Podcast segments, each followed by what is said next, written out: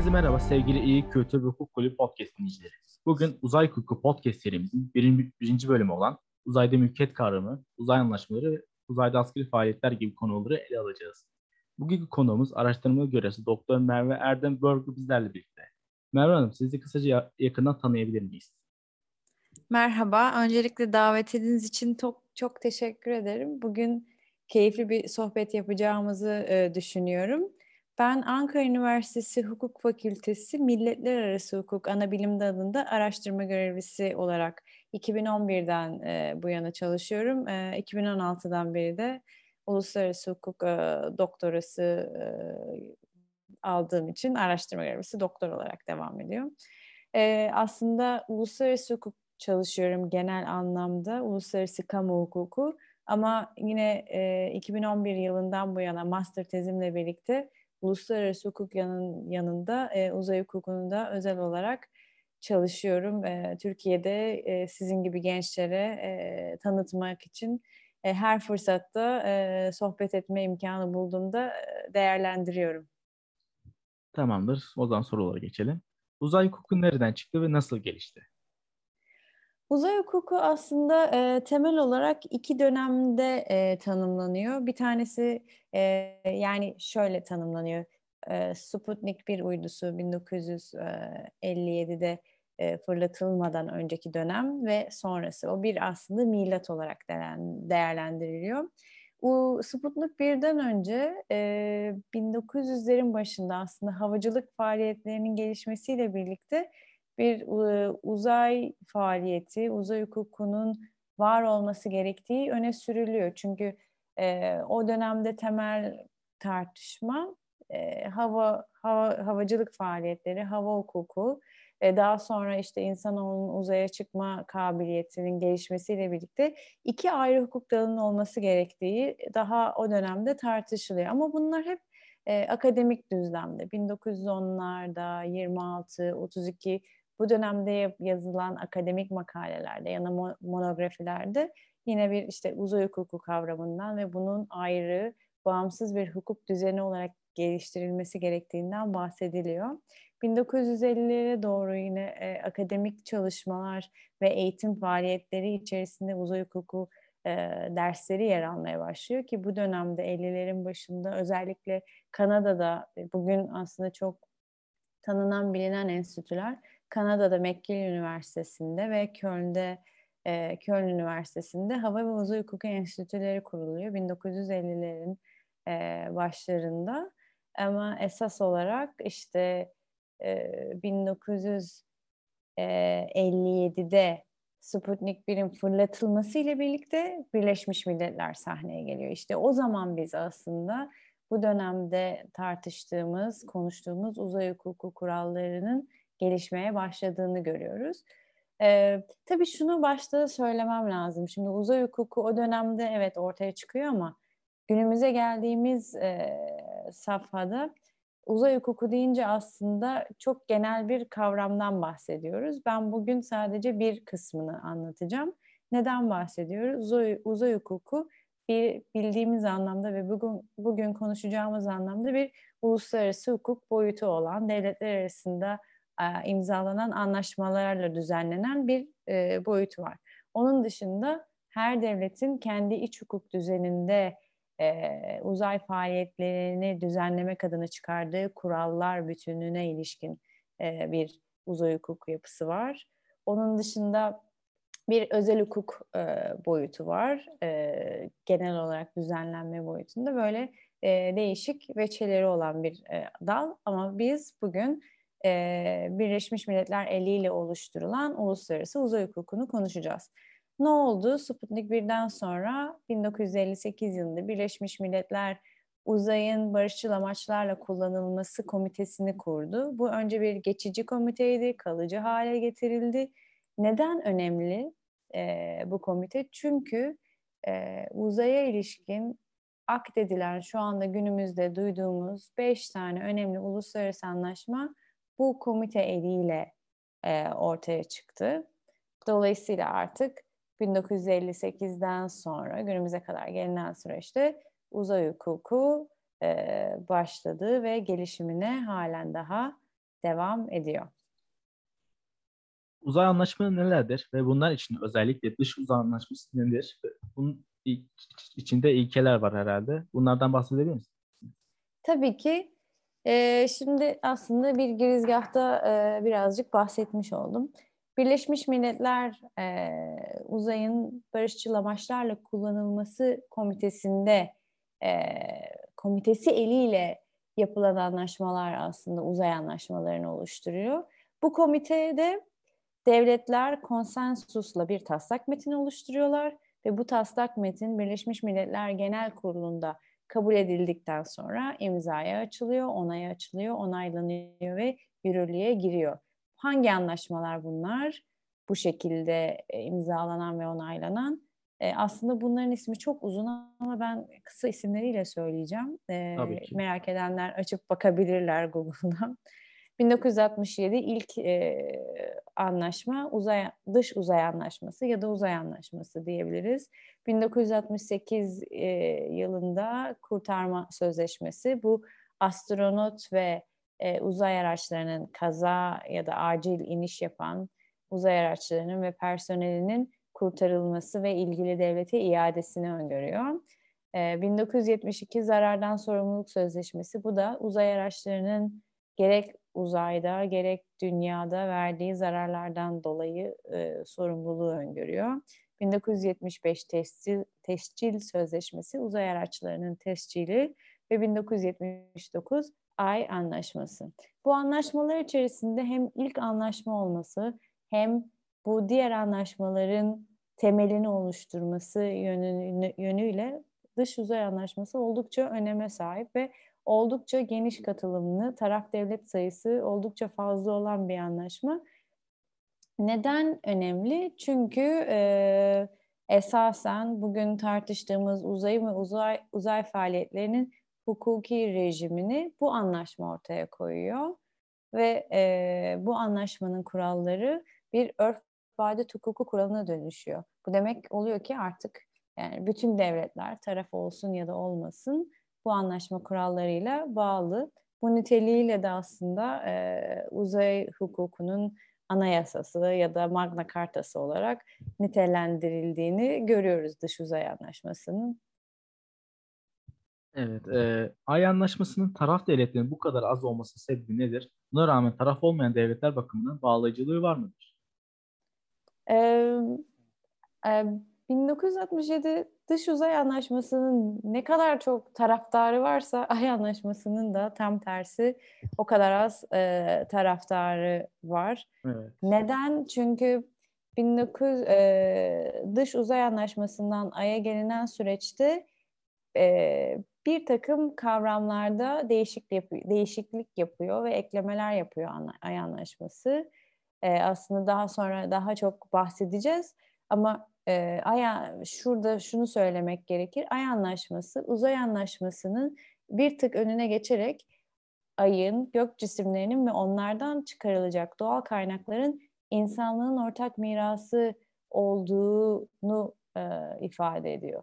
Bunun e, bir anlamı da e, çıkarılacak, ileride çıkarılacak ka- kaynakların kullanılacak alanın e, diğer devletlerle paylaşılması, işte gerek ekonomik getirisinin, gerek teknoloji e, teknolojik gelişmenin diğer devletlerle paylaşılması e, anlamına geliyor. Böyle bir rejim öngörüyor. E, bu devletlerin özellikle uzay faaliyetleri alanında öne çıkan devletlerin işine gelen bir durum değil. Nitekim insanlığın ortak mirası kavramı çok kabul gören bir kavram da değil. Bunu daha sonra 1982 Birleşmiş Milletler Deniz Hukuku Sözleşmesi'nde de görüyoruz. Biraz tartışmalı, kabul görmeyen bir kavram. Dolayısıyla da Ay Anlaşması'na yerleştirilince e, pek rağbet görmedi. Hali hazırda sadece 18 devlet onayladı. Türkiye'de onaylayanlardan bir tanesi. Dört tane de imzacı devlet var. Şimdi bağlayıcılık konusunda tabii ki e, taraf devlet onaylayan devlet ya da sonradan anlaşmaya katılan devlet bütün haklarından faydalanan anlaşmanın verdiği ve yükümlülükleriyle e, yerine getirmekte mükellef olan e, devlet. İmzacı devletler açısından şöyle bir durum var. E, onlar tarafı, taraf olmasalar bile anlaşmayı onaylayana kadar ya da onaylamayacaklarını beyan edene kadar e, anlaşmanın e, ne denir temel maddelerine aykırı davranmamakla yükümlüler. Konu ve amacına anlaşmanın aykırı davranamazlar, davranmamakla yükümlüler. Burada bir arı statü var. İmzacı olmayan, onaylamayan devletler açısından da yani üçüncü devletler açısından da özellikle ay anlaşmasının hiçbir bağlayıcılığı yok. Şöyle olabilirdi.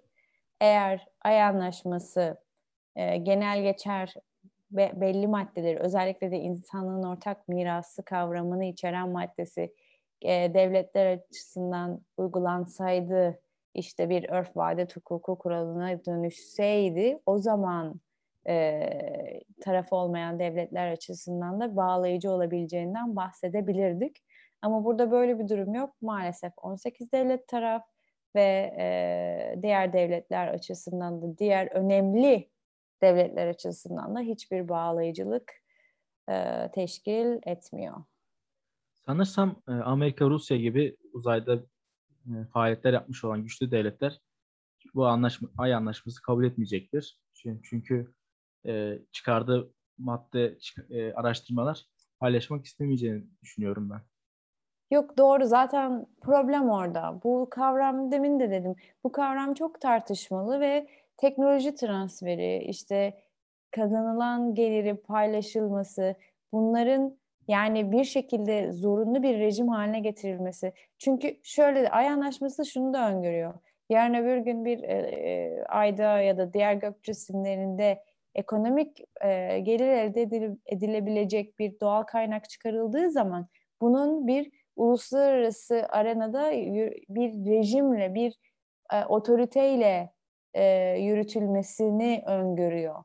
Yani dolayısıyla sadece teknoloji transferi, gelirin paylaşımı değil, genel bir üst e, otorite tarafından uluslararası arenada yönetilmesi durumu söz konusu var. Bu da devletlerin faaliyetlerinin kontrolü anlamına geliyor. Bu da işlerine gel, gelmedi. Ama çok gariptir. Bu yani bu anlaşma e, komitede bir o yukarıda bahsettiğim komitede aslında konsensusla kaleme alınıp taslağa bu şekilde yazıldı.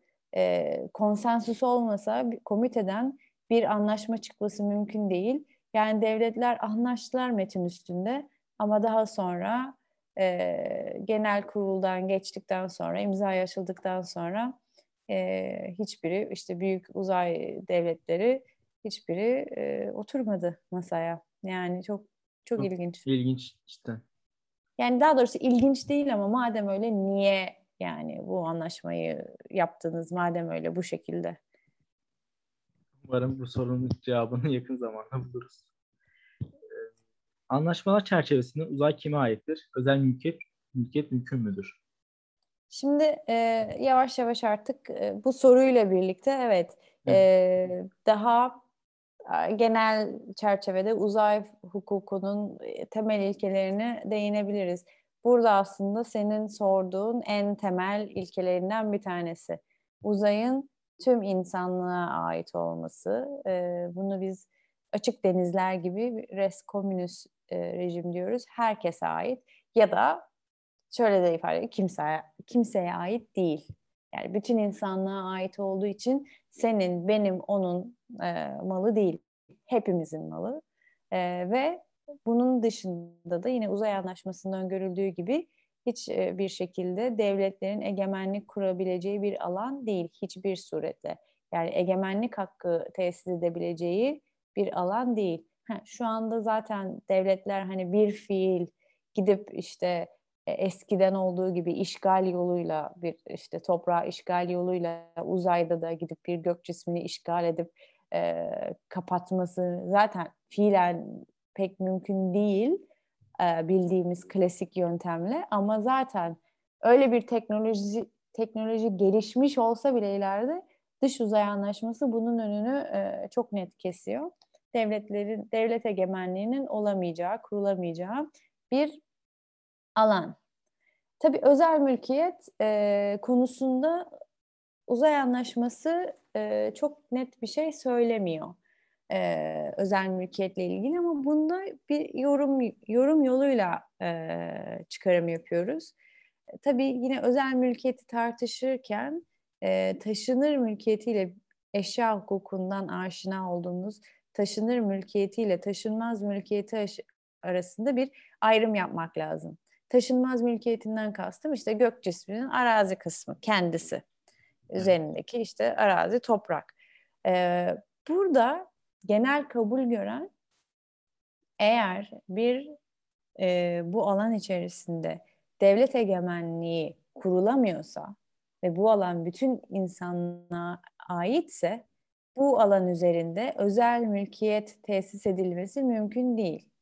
Bu niye tartışıldı? Özellikle bu 2000'lerin başında e, hala da var. Bazı şirketler var internet üzerinden işte yok asteroid satıyorlar, yok e, ayda evet. ya da başka gök cisimlerinde toprak satıyorlar, sertifika gönderiyorlar falan. Bununla, buna ilişkin olarak bu çok tartışıldı. Ama yani şu çok net. E, hatta bunu Uluslararası Uzay Hukuku Enstitüsü de bu e, önde gelen uzay hukukçularının olduğu bir enstitü, üye olduğu bir enstitü. E, bunların hukuki zemini yok. Devletlerin egemenliğinin yasaklanmış olması burada taşınmaz üzerinde özel mülkiyetin de yasaklanmış olduğunu gösterir. Bu tür satış faaliyetleri ve bu sertifikalar yok hükmündedir. Bu kadar e, net. Yani özel mülkiyet, taşınmaz mülkiyet hakkı kurulamaz. Fakat taşınır mülkiyeti konusunda özellikle de doğal kaynaklar açısından ya da işte e, bilimsel amaçlarla getirilen e, maddeler açısından e, ziliyetlik olduğu için, alındığı için bizzat bir fiil alınıp e, işletilebilmesi, işletilebildiği, incelenebildiği için e, onlar üzerinde özel mülkiyet tesis edilebiliyor. Yani bunu yasaklamıyor. Özel şöyle de bir şey var. Hani e, bilimsel amaçlarla getirilen numuneleri devletler paylaşıyor diğer devletlerle ama yine de kendi ziliyetliğinde, kendi mülkiyeti altında tuta tutulabiliyor. Yani taşınır mülki özel taşınır bakımından özel mülkiyet var. Taşınmaz bakımından özel mülkiyet yok diyebiliriz. Evet taşınmaz mülkiyetin gerçekten olmayacağını ama taşınır mülkiyetin e, üç farklı görüş diye ben okumuştum e, yani olacağını. Yani savunanlar da var ama bakın savunmayanlar da var. Taşınır mülkiyetin olmayacağını dair.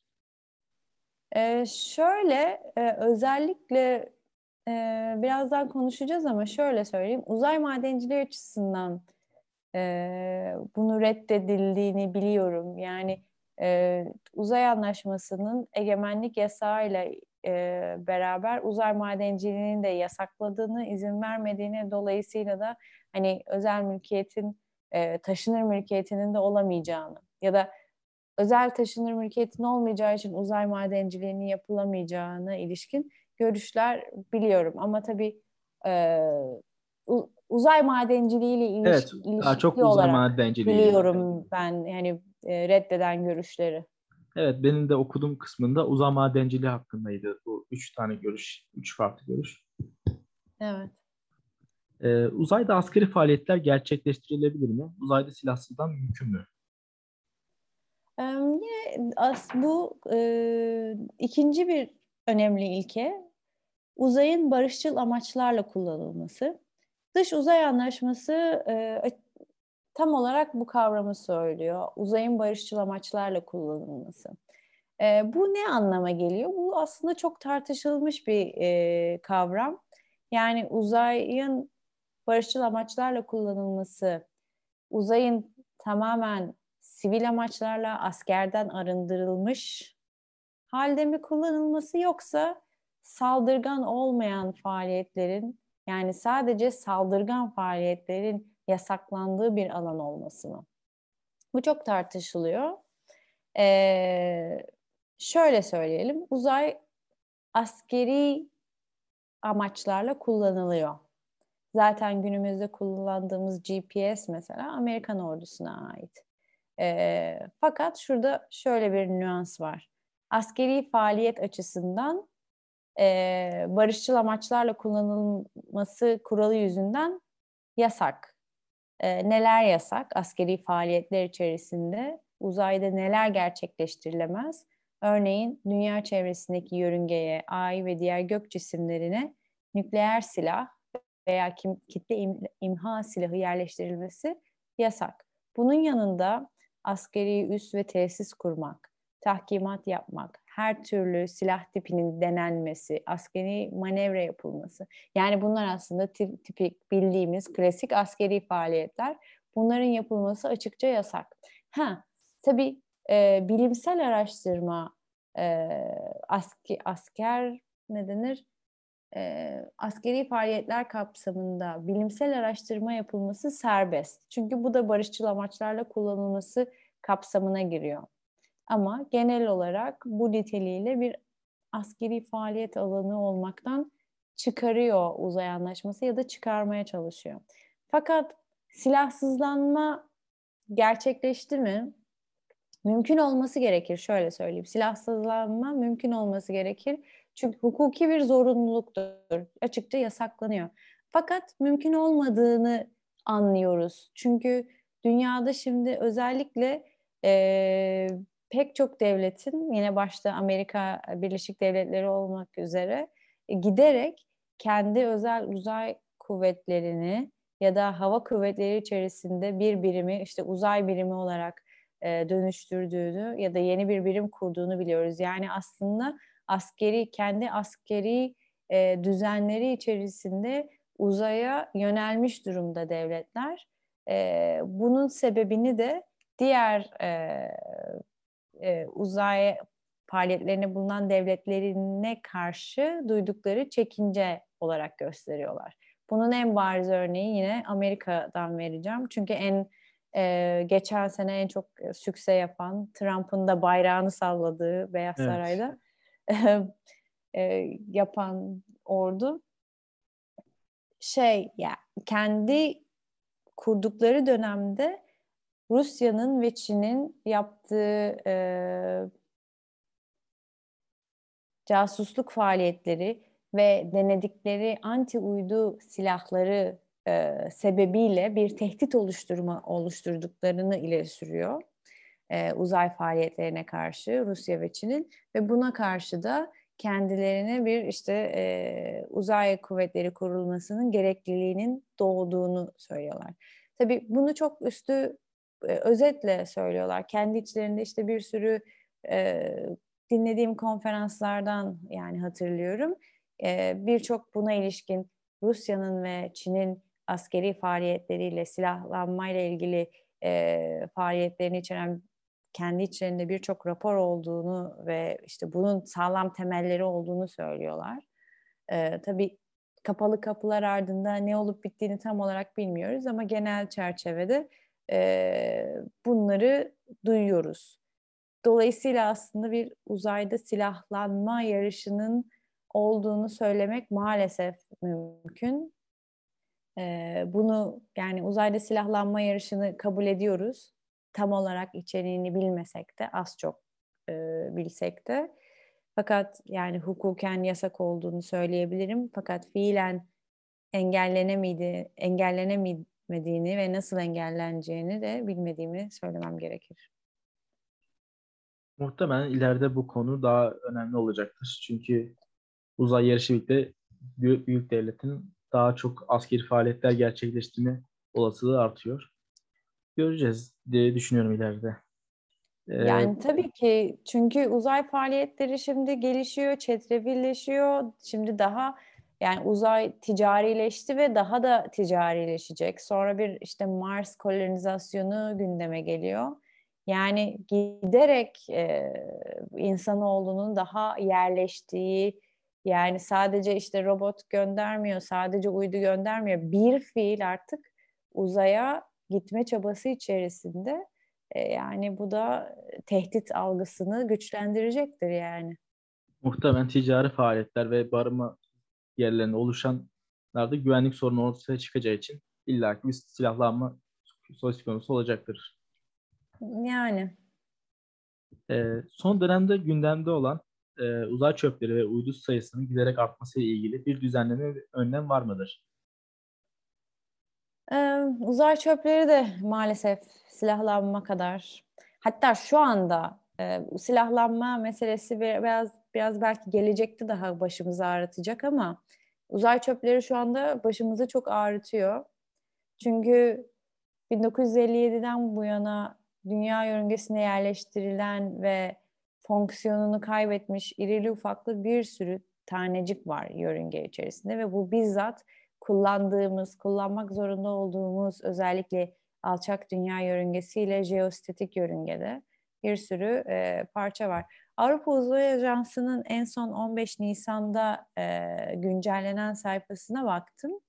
1957 yılından beri 6050 kez fırlatma gerçekleşmiş ve bu fırlatmalar neticesinde 11.370 tane uydu fırlatılmış ve yörüngeye yerleşmiş. Bunlardan 6900 tanesi hala e, uzayda ve 4000 tanesi hala e, işle, işlevsel. Ve bu yoğunluğun olduğu yörüngelerde oluşan uzay çöplerin içerisinde kat, kategorize edilen, sınıflandırılan ve şu an gözlemlenen, e, takip edilen diyeyim için e, daha çok 28.160 tane parça var. Bunların takip edilmesi ne demek? Çok büyük bir altyapı ve enerji e, harcaması demek. Niye takip ediliyor? Çünkü bir tanesi en ufak bir toz, en ufak bir parça fo, e, oper, operasyonu devam eden ve işte bilmem kaç milyon dolarlık yatırımı yatırım yapılan uyduya çarptığı an gitti. Bütün yatırım, evet. bütün e, misyon sona erdi demek. Dolayısıyla çok yakından takip edilen e, bir e, durum. Ama tabii bunların sadece bu kadarı takip ediliyor. Yani 10 santimden küçük 34 bin parça olduğu, 1 santimle 10 santim arasında 900 bin parça olduğu, 1 milimle 1 santim arasında 128 milyon obje olduğu söyleniyor. Yani şey yani kafa beynimizin alamayacağı kadar e, kirli. Neden önemli? İşte demin dediğim gibi yani milyon dolarlık yatırımların birden çöpe gitmesiyle e, sebep olacak bir durum. Ne, hukuken tabii uzay anlaşmalarının e, 1967 ile 79 arası gelinen süreçte uzay çöpü çok bir problem değildi çünkü yeni yeni gelişiyordu. Evet yeni yeni. Öngörmesi mümkün değil. Bu günümüze ait e, bir konu ve büyük bir problem. E, günümüze ait olduğu için de hali hazırda bir anlaşma imzalanamadığı için de daha çok bu e, uluslararası hukukta yumuşak hukuk kuralı diyoruz. E, devletler açısından bağlayıcılığı olmayan gönüllülük esasına e, uygun uygulanan kurallar. Kılavuz kurallar oluşturuldu. Bunlardan ilki ajanslar arası yani devletlerin uzay ajansları arası Uzay Çöpü Koordinasyon Komitesi. Bunların çıkardığı bir ilk kılavuz kurallar var 2002 yılında. Ee, daha sonra e, demin bahsettiğim Birleşmiş Milletler Uzayın Barışçıl Amaçlarla Kullanılması Komitesi. Bunlar da bu da kılavuz kural çıkarıyor 2007 yılında. Ee, Avrupa Uzay Ajansı da kendi işte el kitabı çıkarıyor ve Avrupa Uzay Çöpü Merkezleri Ağı uzay çöplerinin azaltılması için davranış kuralları. Yani dört tane böyle yumuşak hukuk kuralı diyeceğimiz e, metin var. Bu metinlerin esas e, söylediği şey uzay çöpünün ortaya çıkmasını engelleyelim mümkün oldukça.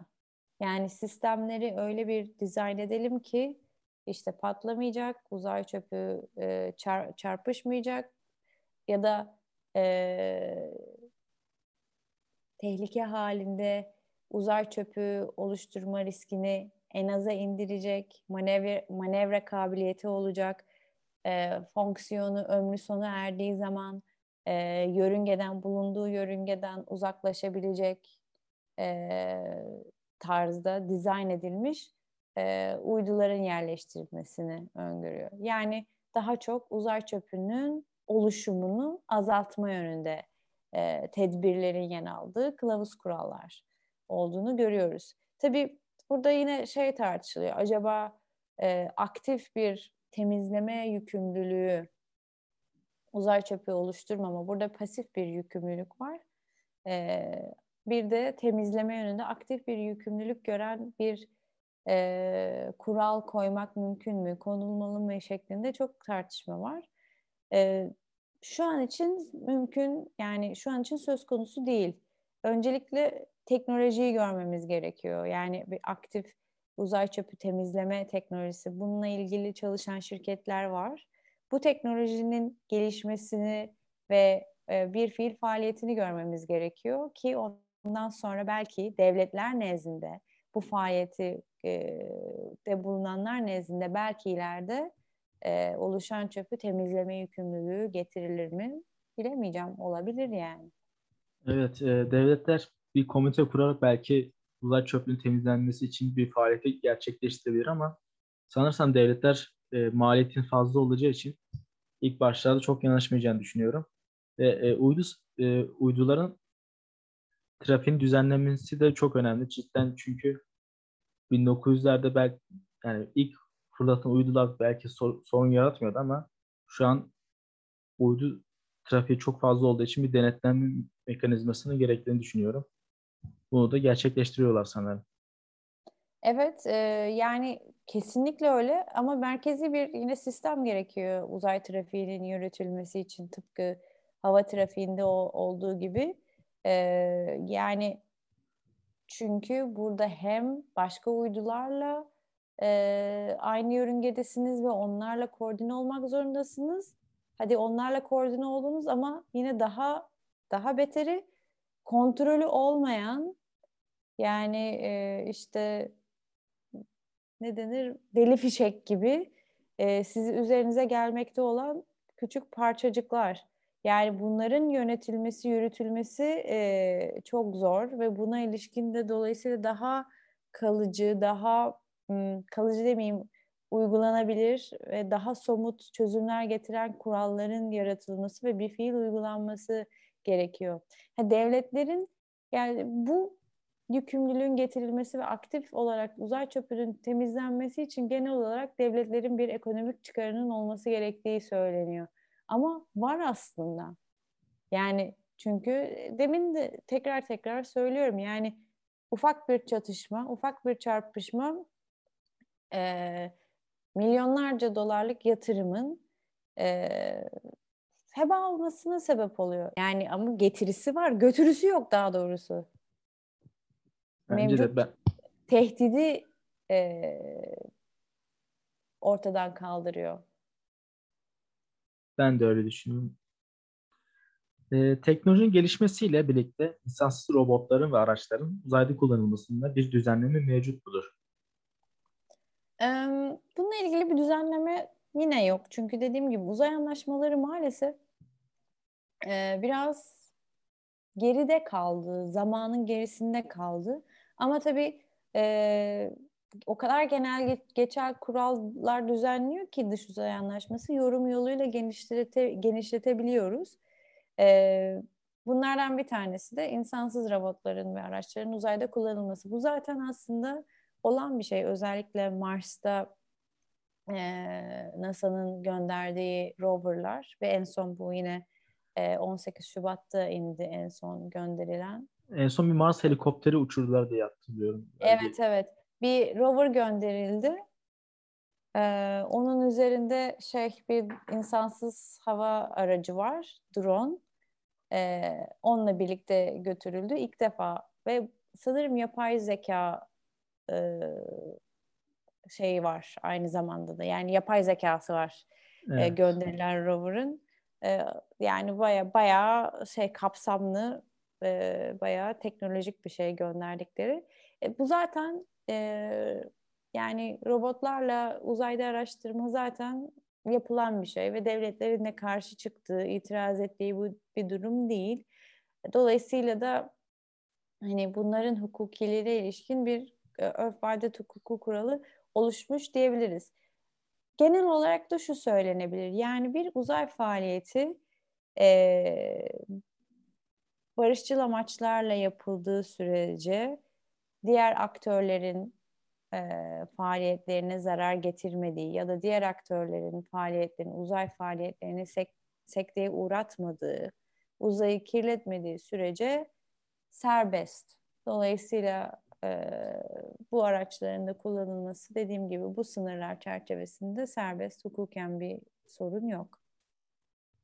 Tamamdır. Son zamanlarda ortaya çıkan Artemis mutabakatı neler içermektedir?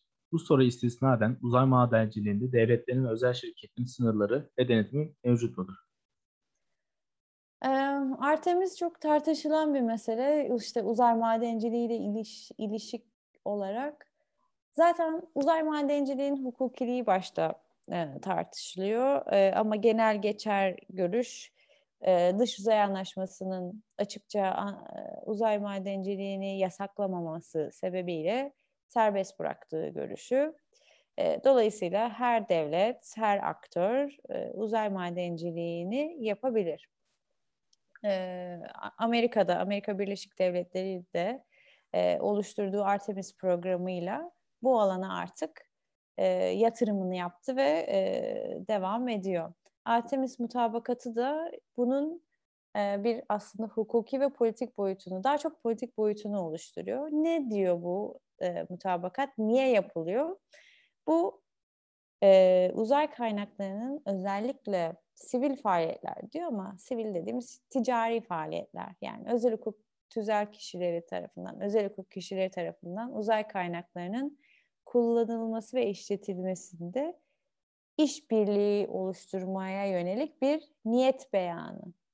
Devletleri, imzacı devletlerin bir araya gelerek ileride biz işte ikili anlaşmalarla, çok taraflı anlaşmalarla ya da kendi iç hukukumuzda bir işte uzay madenciliğine ilişkin faaliyet düzenleyecek olursak Artemis mutabakatında birbirimize söz verdiğimiz gibi ilkeleri baz alarak, o mutabakatta yer alan ilkeleri baz alarak yapacağız. Bu e, ileride işte devletler arasında ortaklaşa yapılacak e, anlaşmalara, uzay madenciliği ile ilgili an, yapılacak anlaşmalara ana çerçeve oluşturuyor aslında. E, ama amacı hem ABD tarafından çıkarılmasının amacı bence hem uluslararası toplumun desteğini almak hem de özel sektörü teşvik etmek. E, neler öngörüyor? Tabii ki başta her e, uzay anlaşmasının e, öngördüğü gibi barışçıl amaçlarla gerçekleştirilmesi ve uluslararası hukuk kurallarına uygun olması. İmzacı devletlerin e, bu faaliyetlere ilişkin politikalarını ve planlarını şeffaflık içinde yürütmeleri, e, devletlerin birbirleriyle uyumlu ve ortak altyapı ve standartlar geliştirmeleri. Bunun önemi şuradan e, doğuyor. Yukarıda da dedim ya, devletler e, uzay uzayda her türlü faaliyeti gerçekleştirebilirler sınırlar içerisinde, belli sınırlar içinde. Bunlardan bir tanesi de diğer aktörlerin faaliyetlerine zarar vermemek ve engel olmamak. E, Dolayısıyla burada uzay madenciliğinde birbiriyle uyumlu altyapıların geliştirilmesi ve standart belli standartların geliştirilip o standartlarda o faaliyetin görülmesi çok önemli bir şey. Ee, yine e, uzay anlaşmalarıyla paralel olarak araçların tescili, kurtarma e, anlaşmasına paralel yine bir e, ilke görüyoruz elde edilen bilimsel verilerin paylaşılması. Burada değişik olarak e, ABD de bunu sıkça dile getiriyor.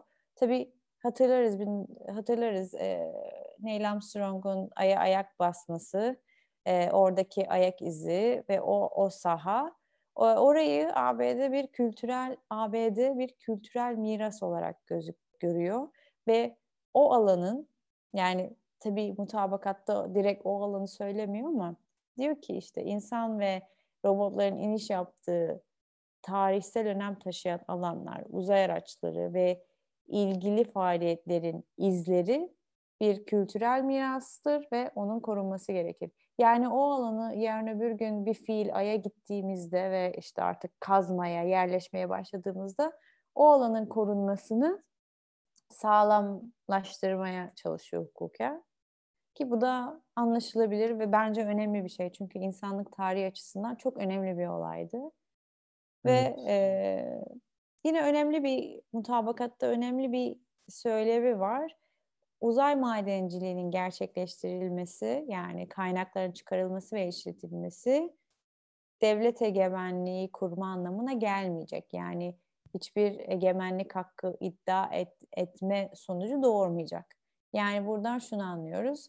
O topraklar herkesin malı ve e, oraya giden, o faaliyeti gerçekleştiren aktörlerin oradan yararlanma hakkı var. Ama e, egemenlik e, kurma gibi bir durum söz konusu değil. Yararlanma hakkı kapsamında tabii ki çıkarılan kaynaklar onların işletilmesi, ekonomik getirisi onlara ait olacak.